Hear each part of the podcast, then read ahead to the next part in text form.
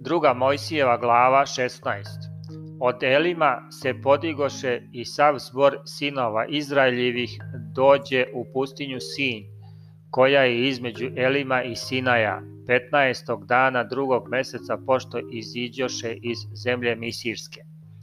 I stade vikati sav zbor sinova Izraeljevih na Mojsija i na Arona u pustinji.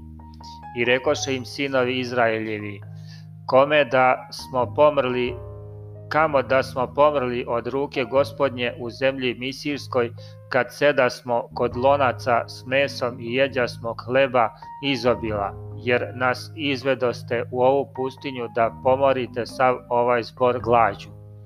A gospod reče Mojsiju, evo učinit ću da vam daždi iz neba hleb, a narod neka izlazi i kupi svaki dan koliko treba na dan, da ga okušam hoće li hoditi po mom zakonu ili neće. A šestog dana neka zgotove šta donesu, a neka bude dvojinom onoliko koliko nakupe svaki dan. I reče Mojsije i Aron svim sinovima Izraeljevim, doveče ćete poznati da vas je gospod izveo iz zemlje Misirske, a sutra ćete videti slavu gospodnju, jer je čuo viku vašu na gospoda, jer šta smo mi da vičete na nas?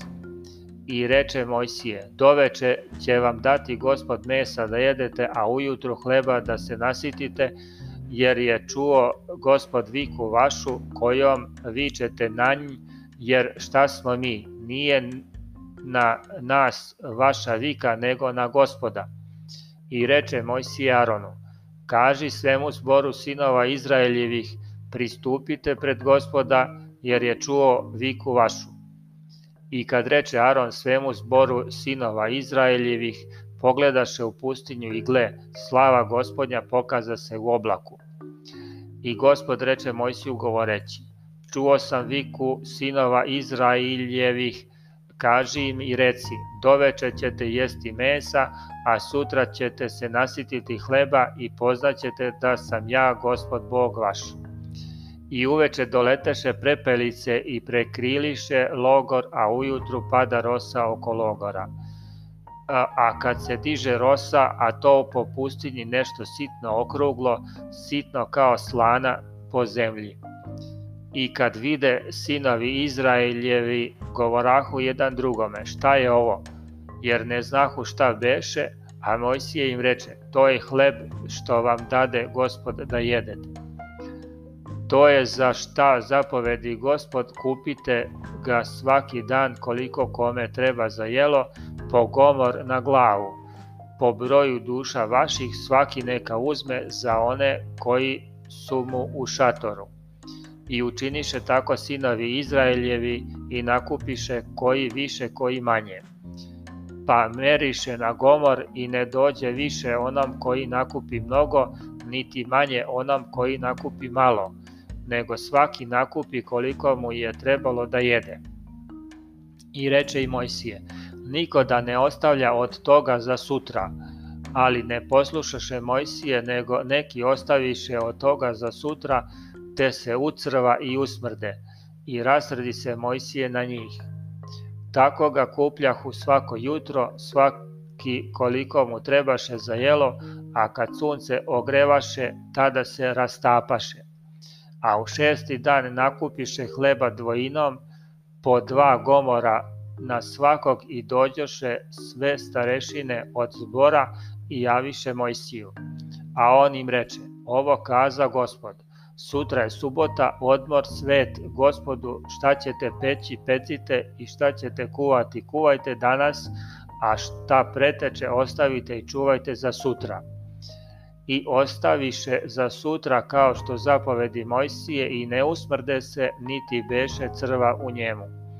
A reče Mojsija, jedite to danas jer je danas subota gospodnja, danas nećete naći u polju. Šest ćete dana kupiti, a sedmi je dan subota, tada ga neće biti. I u sedmi dan iziđoše neki od naroda da kupe, ali ne nađoše A gospod reče Mojsiju, dokle ćete se protiviti zapovestima mojim i zakonima mojim? Vidite, gospod vam je dao subotu, zato vam daje šestog dana hleba na dva dana, stojte svaki na svom mestu i neka ne odlazi niko sa svog mesta u sedmi dan. I počinu narodu sedmi dan. I dom Izraeljevi prozva taj hleb bana, a beše kao seme korijandrovo beo i na jeziku kao medeni kolači.